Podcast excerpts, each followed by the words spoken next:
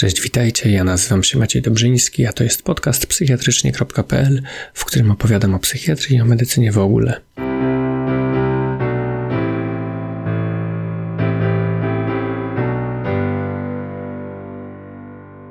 Ten odcinek typowo do PES-u, mianowicie kolejny temat z przeciwdepresantów, czyli SNRI, czyli inhibitory wychwytu zwrotnego, serotoniny i noradrenaliny.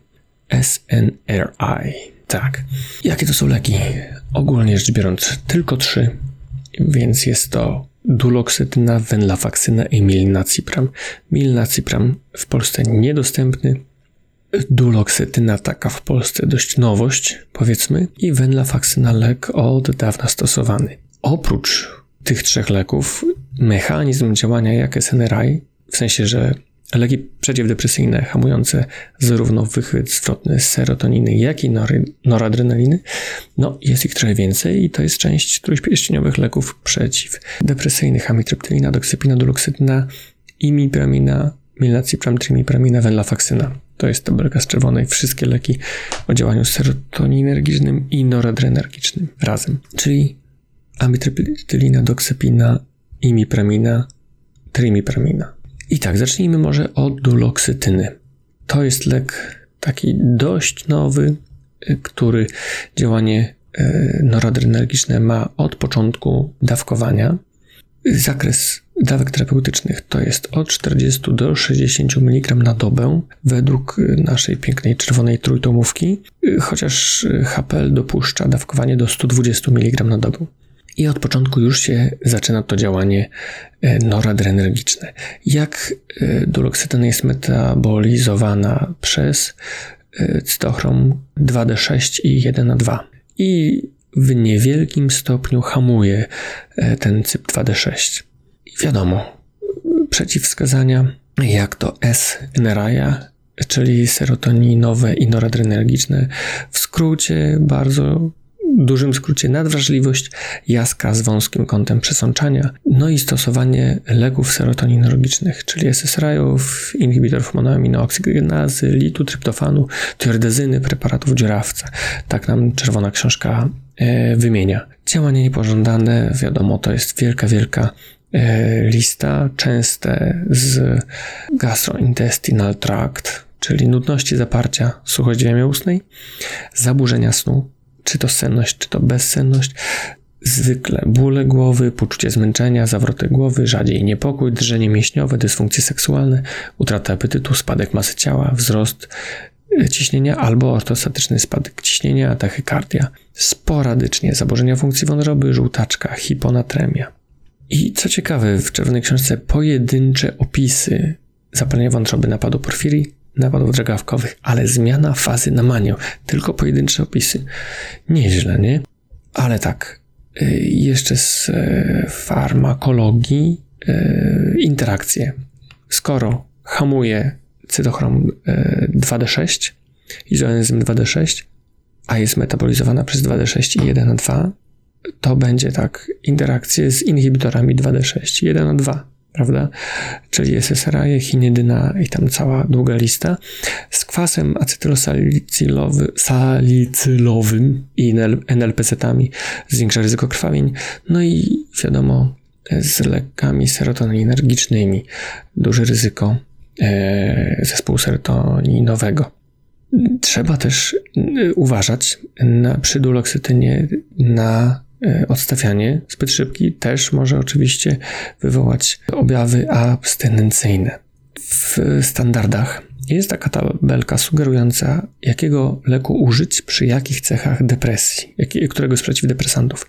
No i e, duloksytyna tam znajduje się tylko w jednym e, miejscu, w jednym punkcie, tylko depresja z bólem, co jest też takie nieco kontrowersyjne.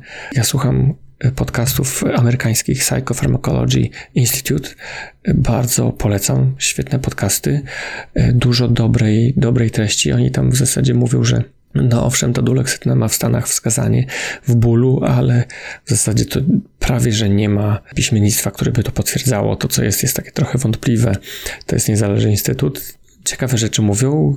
Ja im ufam. Czy to wystarczy, żeby się wybronić w sądzie przy stosowaniu ich zaleceń? Tego nie wiem.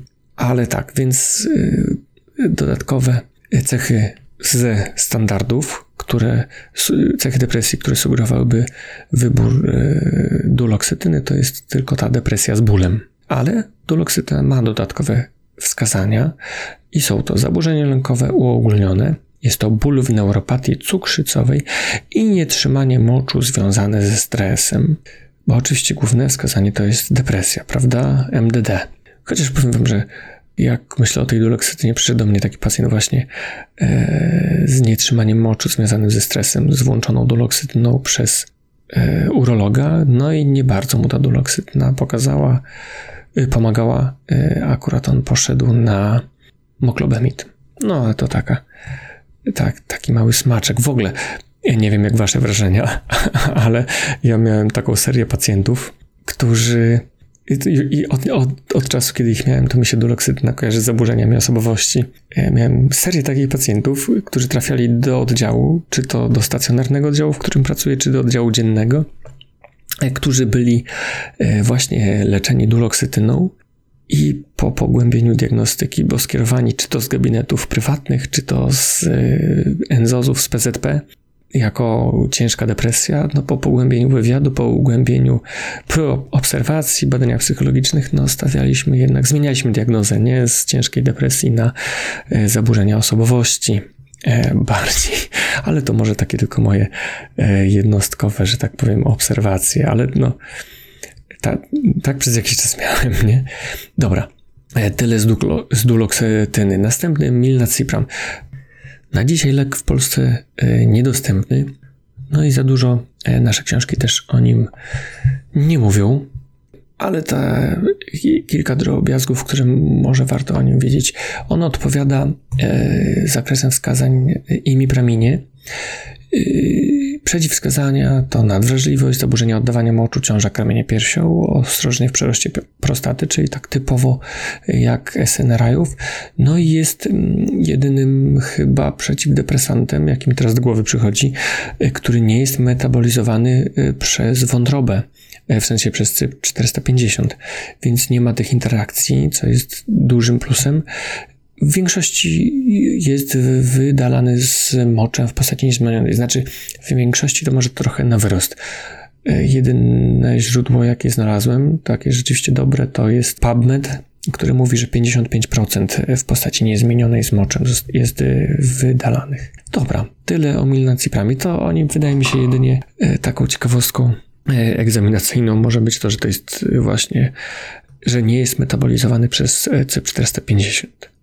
Venlafaxyna. O niej najwięcej trzeba wiedzieć, bo najdłużej jest używana, dużo o niej wiemy, prawda? E, ma bogatą, e, bogate piśmiennictwo, e, różne tam wskazania, zalecenia, standardy. Więc tak, ja bym to może tą farmakologię, farmakokinetykę i farmakodynamikę trochę nieuporządkowaną ale to chyba nie przeszkadza. Więc e, tak, okres półtrwania, jaki ma wenlafaksyna krótki, wiadomo, e, dlatego że istnieje forma o przedłużonym uwalnianiu, czyli 3 do 7 godzin w formie zwykłej, a w formie tej ER 15 godzin. Ma aktywne metabolity, to znaczy 0-dezmetylowenlafaksyna, to jest też silny inhibitor wychwytu zwrotnego serotoniny i noradrenaliny, metabolizowana jest przez CYP2D6 i 3A4, czyli tak jak w zasadzie wszystkie e, przeciwdepresanty SSRI, SNRI. No i niewielki ma wpływ e, na te cytochromy, w sensie w niewielkim stopniu inhibuje 2D6, 2C9 na 10 i 3A4. I tak, Pytanie, które przy lekach często sobie zadajemy, czy ma działanie cholinolityczne.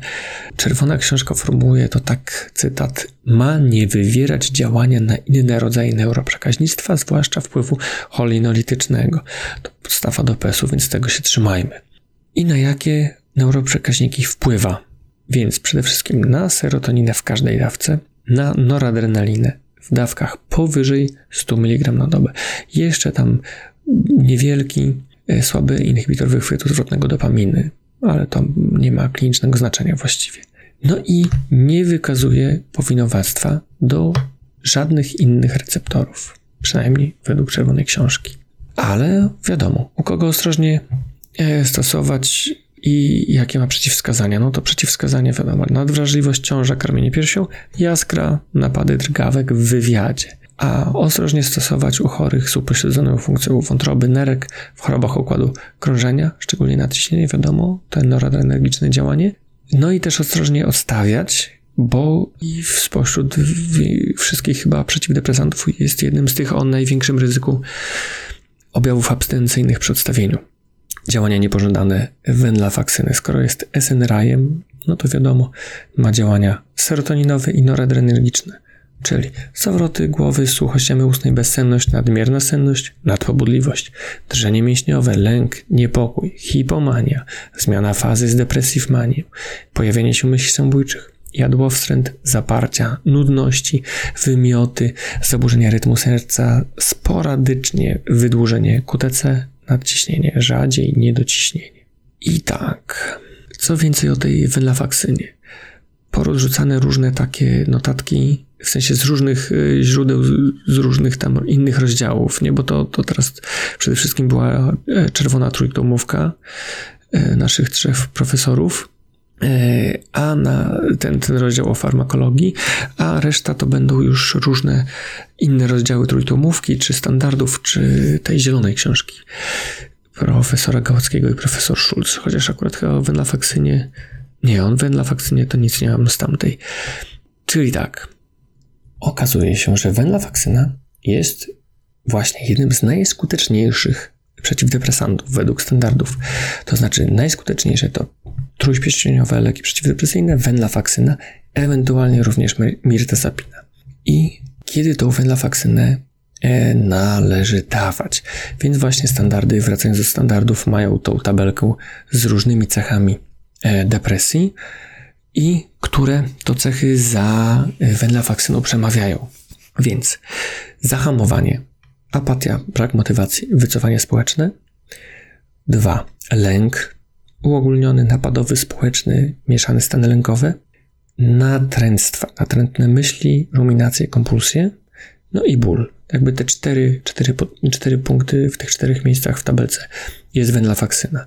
Za to, co raczej, które cechy depresji nie sugerują użycia wenlafaksyny? No to jest depresja z agitacją i niepokojem, bo wiadomo też wenlafaksyna przez to działanie noradrenergiczne może w tym kierunku zadziałać, depresja z bezsennością i depresja z zaburzeniami funkcji poznawczych, bo tutaj tylko e, woltioksytyna, co też jest takie trochę kontrowersyjne, w sensie wiadomo, producent e, woltioksytyny na tym się promuje, ale też Tutaj bym Wam zacytował ten podcast e, z Psychopharmacology Institute.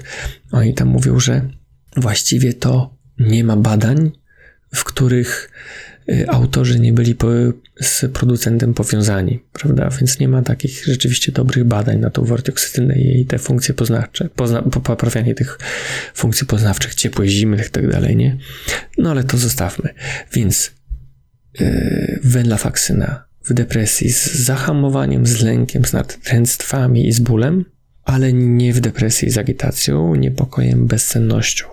I tak, Okazuje się, że, co jest dość ważne, wenlafaksyna jest lekiem zwiększającym ryzyko y, samobójstwa. Tutaj to trochę zmieniamy źródło, bo tą y, kwestię całkiem dobrze, w zasadzie bardzo dobrze, to tylko jedną książkę znalazłem o tym mówiącą. To jest przewodnik psychofarmakoterapii, działania uboczne i to jest y, rzeczywiście świetnie tam potraktowane, bardzo szczegółowo opisane, więc paroksetyna i wenlafaksyna to są te leki, które zwiększają ryzyko samobójstwa, ale tylko w grupie dzieci, młodzieży i młodych dorosłych. Tak do około 25 roku życia. Bo później u dorosłych w wieku powyżej 25 chronią przed samobójstwem, a w grupie powyżej 65 roku życia to efekt chroniący przed samobójstwem jest jeszcze większy. Więc yy, owszem, przy welafaksynie i młodych pacjentach trzeba na to uważać. To teraz jeszcze troszkę może o wskazaniach E, wenlafaksyny. E, jest to lek taki ciekawy, patrząc na te wszystkie zaburzenia lękowe i depresyjne, bo tak, ma rejestrację i skuteczność, jak to mówią standardy, zarówno w fobii społecznej, w e, GAD, czyli General Anxiety Disorder, i w zaburzeniu lękowym z napadami paniki.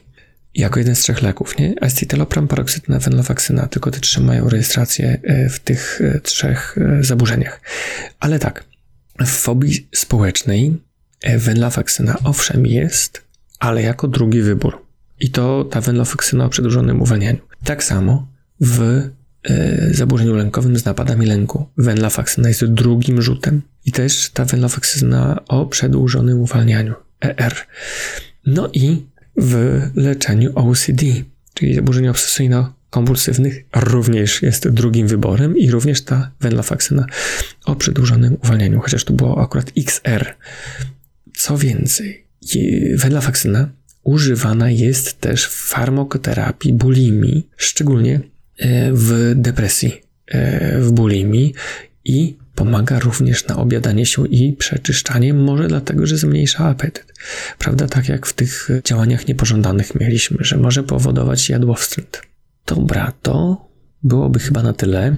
E, z tego materiału, ze Senrajów, tylko trzy leki i w zasadzie jeden, który ma dużo. Duloksytyna ma mniej tych wskazań, bo jest młodsza, prawda, krócej stosowana. Pewnie z czasem się pojawi też e, w jakichś kolejnych wydaniach standardów czy zaleceń. O co by tu jeszcze tak powtórkowo zapytać? Jaka choroba okulistyczna jest przeciwwskazaniem do SNRI-ów jaskra? No dość jasne, zbyt proste, prawda? O, y, jakie cechy depresji w depresji nawracającej sugerują zastosowanie venlafaksyny? Zahamowanie, apatia, brak motywacji, wycofanie społeczne, lęk, uogólniony napadowy społeczny, mieszane stany lękowe, natręctwa, myśli, ruminacje, kompulsje i ból. To są te cztery najważniejsze cechy y, depresji do zastosowania venlafaksyny.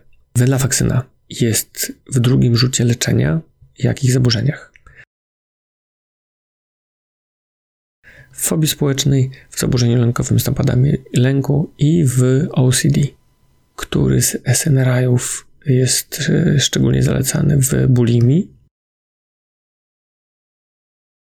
Venlafaksyna który SNRI nie jest metabolizowany przez wątrobę, przez CYP450. Proste, milna cyprze, prawda? Duloksytyna. Jakie cechy powinna spełniać depresja, by zastosować duloksytynę? No teoretycznie to właściwie wszystkie takie same jak i dla wędlafaksyny, ale w standardach jest tylko depresja z bólem. Jakie dodatkowe wskazania ma duloksytyna? Zaburzenie lękowe uogólnione, ból w neuropatii cukrzycowej, nietrzymanie moczu związane ze stresem. O, jeszcze tutaj mam jedną małą notatkę, dość może ważne. Przeciwdepresanty jeżeli chodzi o ich toksyczność przy przedawkowaniu, no to wiadomo, najbardziej niebezpieczne są leki trójpierścieniowe, ale za nimi jest właśnie venlafaksyna. Znaczy ogólnie całe to uszeregowanie od najbardziej toksycznych, no to są e, trójpierścieniowe leki przeciwdepresyjne, potem venlafaksyna z mirtazapiną, dalej citalopram, a dalej pozostałe SSRI. To, to też myślę, że można na to zwrócić uwagę. Dobra, starczy tego dobrego. Na koniec może jednak dodam troszeczkę, że nagrywam ten e, odcinek podcastu e, w chwili, gdy mój oddział psychiatryczny jest oddziałem psychiatrycznym zakaźnym, bo szpital zmienił się na jednoimienny zakaźny. Ale powiem wam, próbowałem na ten temat nagrać podcast i wyszedł mi beznadziejnie. Może później, jak sprawa się trochę przyzwyczajimy do tego wszystkiego, jak to funkcjonuje. Dobra, to trzymajcie się, powodzenia na egzaminie wszystkim zdającym. Ja się nazywam Maciej Dobrzyński, a to był podcast psychiatrycznie.pl. Cześć.